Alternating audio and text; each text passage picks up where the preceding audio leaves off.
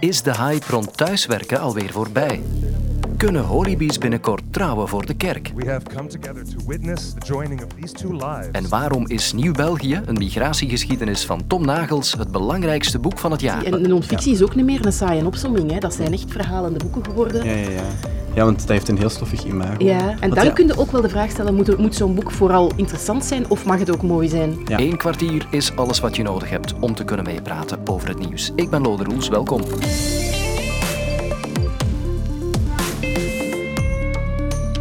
En ik begin meteen met een flashback, want ik neem je mee terug naar een dikke twee jaar geleden.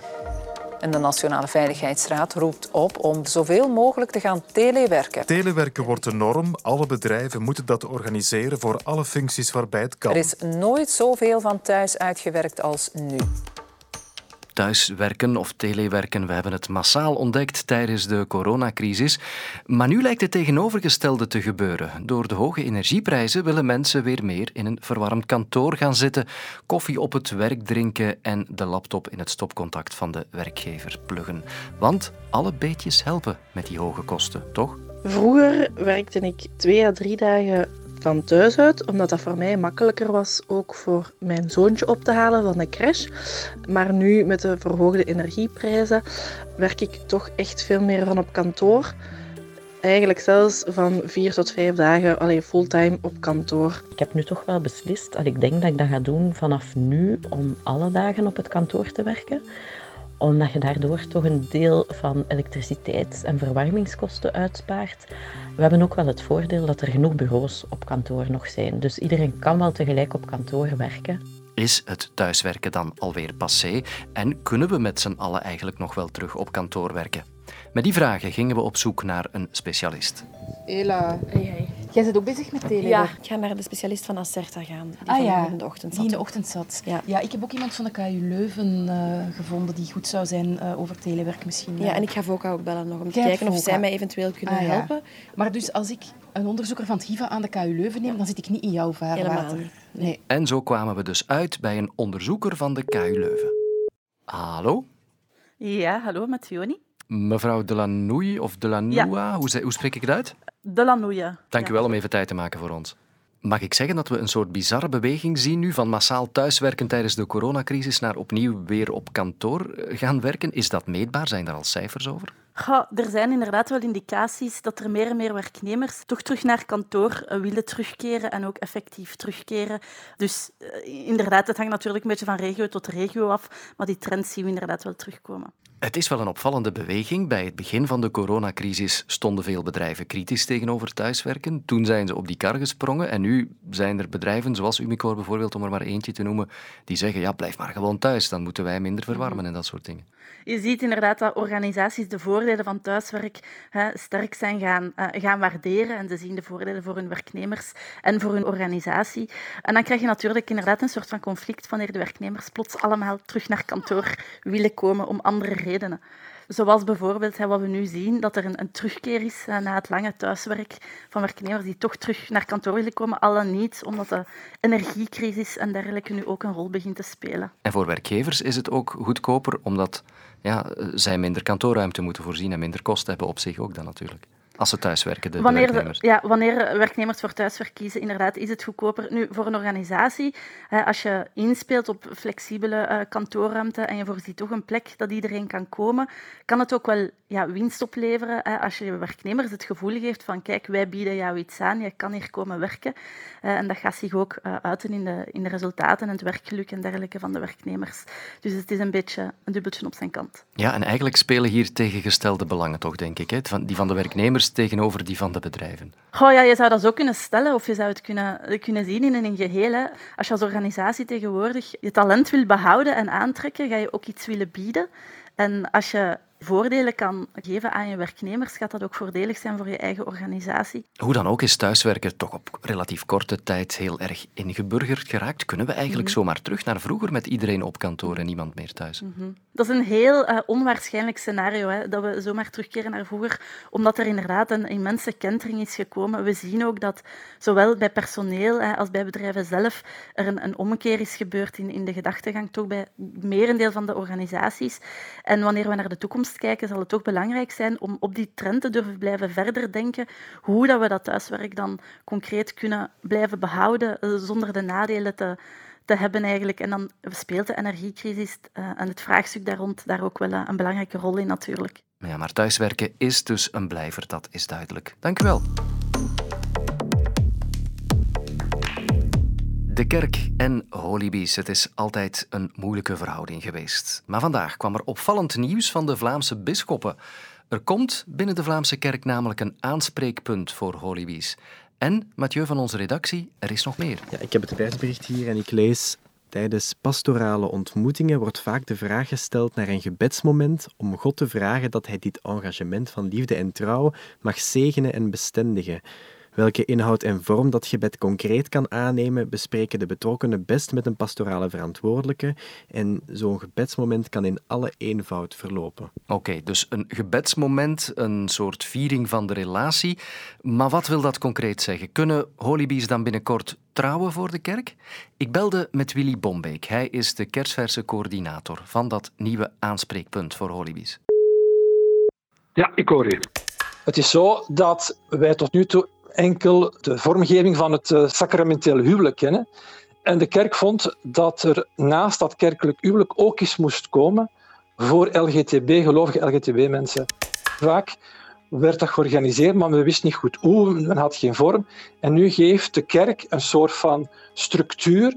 Voor de mensen is dat het belangrijk, dat zij een viering van hun liefde voor elkaar binnen de kerk kunnen vieren naast het burgerlijk huwelijk. Ze vragen, kijk, help ons, zegen ons, bless us. Het is volledig gelijkwaardig, maar vanuit de kerkelijke traditie kunnen ze dat niet huwelijk noemen, omdat dat eigenlijk vasthangt aan ganse traditie man-vrouw. Het feit dat een aanspreekpunt nu binnen de kerk verankerd wordt, is een heel belangrijk signaal dat de Vlaamse kerk geeft. Je bent oké zoals je bent. Ja, geen echt huwelijk dus, dat mogen we niet zeggen, maar het lijkt mij in elk geval toch een erg grote stap voor de kerk om daar nu mee uit te pakken. Theoloog Jos Moons, welkom. Ja, goedemiddag. Hoe kijkt u naar dit nieuws? Uh, ik ben zeer verheugd. Ik ben naast professor ook nog pastor. En um, voor de doelgroep lijkt het me heel erg goed nieuws dat ze um, zich ook in de kerk erkend voelen. En dat dat niet alleen woorden zijn, maar dat dat ook blijkt in dat zij hun relatie uh, in de kerk kunnen vieren. Ja, en de Vlaamse bisschoppen zetten nu deze stap. Zijn we daar als Vlaanderen de eerste in? Ja, het is voor het eerst dat bisschoppen zich duidelijk uh, uitspreken hiervoor. En het is dus ook goed nieuws voor de priesters. Tot nu toe kun je gesuspendeerd worden, dus een soort kerkelijke straf, als het bekend wordt dat je homorelatie zegent. Het is een heel onveilige situatie en dat is nu over. Ja, want in de praktijk gebeurde het misschien al wel, maar onder zeker. de radar, het, het vieren van een relatie. Zeker, zeker, zeker. En soms werd het dan gedoogd, maar, uh, maar nu hoeft dat dus niet meer zo... Uh, um, clandestien, hoef je niet meer met mensen af te spreken, geen foto's op Facebook, kan het gewoon um, open. Ja, de Vlaamse bisschoppen kunnen dat dan beslissen. Vraag is hoe het Vaticaan daar tegenover staat. Ik herinner me dat ik zo'n anderhalf jaar geleden um, het nieuws uh, las op de radio en toen vertelde ik dit nog. Moet u eens even meeluisteren. De Belgische katholieke kerk neemt afstand van de uitspraken van het Vaticaan. Enkele dagen geleden zei het Vaticaan dat homoseksualiteit een zonde is. Ja, homoseksualiteit is een zonde, klonk het toen nog. Hoe moeten we dit dan nu verzoenen met dit bericht? Dit bericht kiest duidelijk een andere lijn. Soms wordt uh, het Vaticaan voorgesteld als een soort uh, monolithisch um, blok. Er dus één, één, komt één geluid van het Vaticaan. In feite zijn er veel meer gesprekken en discussies ook achter de schermen. En het nieuwsitem dat je noemde is daar eigenlijk een voorbeeld van. Daar bleek bijvoorbeeld dat de Vlaamse bisschoppen al wat anders vinden dan het Vaticaan. En in het Vaticaan zijn er ook allerlei gesprekken. Maar zal Paus Franciscus zich verslikken in zijn koffie als u nu, als u nu hoort wat er in Vlaanderen aan het gebeuren is? Ja, dat, dat zou kunnen. Ik weet niet of hij misschien mat thee drinkt. Dat is natuurlijk als Zuid-Amerikaan. Dat weet ik niet zo goed. Dus uh, de, de wereld van het Vaticaan is voor mij ook een, een schimmige, mysterieuze wereld. Ik vermoed dat er allerlei gesprekken achter de schermen zijn. Dus, nee. uh, Zou zoiets worden doorgesproken met hem vooraf? Ja, um, dat, dat is met hem zelf is dat lastig, want hij praat vooral uh, Spaans en Italiaans. Ik weet niet of de Vlaamse bisschoppen daar goed in thuis zijn. Wat ik eigenlijk wil vragen is, wijkt dit niet vreselijk af van de officiële lijn van het Vaticaan en van wat Paus Franciscus denkt of zegt? Ja, Paus Franciscus, er zijn wel aanknopingspunten in wat Paus Franciscus doet en zegt. Dus hij is erg voor pastorale nabijheid. Hij heeft drie keer een brief geschreven aan die homopastor James Martin, waarin steeds la cercania pastoraal belangrijk is, dus de nabijheid. Ik denk dat de Vlaamse bisschoppen die gebruiken dat woord ook, pastorale nabijheid. En die zit eigenlijk een volgende stap. Als je echt nabij bent aan mensen, als je dan ontdekt dat ze elkaar door dik en dun steunen, als je dan de conclusie trekt dat dat iets goeds is, ja, dan moet je ook zeg maar het woord bij de daad voegen en zeggen dan moeten we hen ook erkennen in het kerkelijk verband.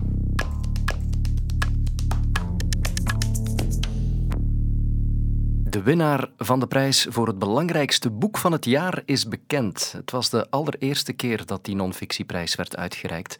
En de eer gaat naar Nieuw België, een migratiegeschiedenis. Dat is een boek van Tom Nagels over België als migratieland. En daarin katapulteert de auteur ons terug naar het jaar 1944. Let's say goodbye with a smile, dear. Na de Tweede Wereldoorlog uh, wil de Belgische regering heel snel het normale leven doen hervatten, hè, om te vermijden dat, uh, dat, dat die hongerige bevolking dat die opstandig zou worden. Um, maar om dat normale leven te hervatten is er heel veel steenkool nodig. Fabrieken draaiden op steenkool, treinen reden op steenkool. Zonder steenkool lukte er niks. En om al die dingen te kunnen doen, was er 80.000 ton steenkool per dag nodig. Daarvoor had je 130.000 mijnwerkers nodig. Maar België had nog maar 60.000 mijnwerkers. Dus er moest eigenlijk heel snel het dubbele van het aantal mijnwerkers gevonden worden. Uh, anders mislukte heel die wederopbouw. En uiteindelijk uh, is de, de, de beste oplossing gebleken om een akkoord te sluiten met Italië.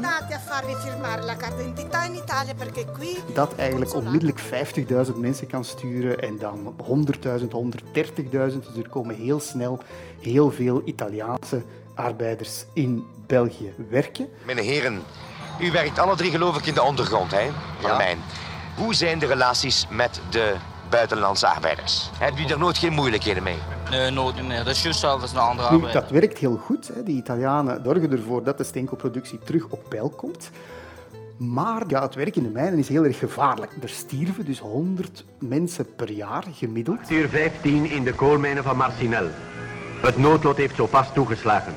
Een brand die het leven van beide 300 mijnwerkers En aangezien Italianen ongeveer de helft van die bevolking uitmaakten, stierven er dus 40 à 50 Italianen gemiddeld per jaar. En de Italiaanse regering probeerde dus België onder druk te zetten om die omstandigheden te verbeteren. En gaandeweg verzuurt die relatie tussen België en Italië enorm.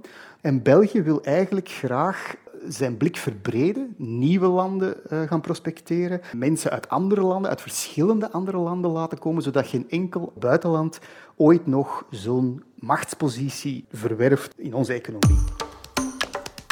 Een boeiend verhaal, dat is duidelijk. En dat is nog maar het begin van het boek. Als je wil weten wat er na de jaren 50 nog gebeurde, toen Spanjaarden, Grieken, Marokkanen en Turken massaal naar hier kwamen om te werken, ja, dan moet je zijn boek maar lezen natuurlijk. Ik haal er wel nog even Saskia de Koster bij, jurylid van deze prijs. Hallo. Goedemorgen. Laat ik maar meteen met de deur in huis vallen. Waarom is dit het belangrijkste boek van het jaar? Ja, omdat Tom Nagels met Nieuw-België een boek geschreven heeft dat eigenlijk gaat over een thema dat een beetje zoals het weer is. Het is er altijd. Hè. Soms praten we erover, soms niet. Maar migratie is heel erg een onderwerp dat altijd maar blijft besproken worden, waar enorm veel debat over is. En dan is het eigenlijk geweldig belangrijk dat wat er verteld wordt wel gebaseerd is op onderzoek. En wat Tom Nagels gedaan heeft, is vijf jaar in archieven gedoken, waar al een prijs voor zou moeten bestaan.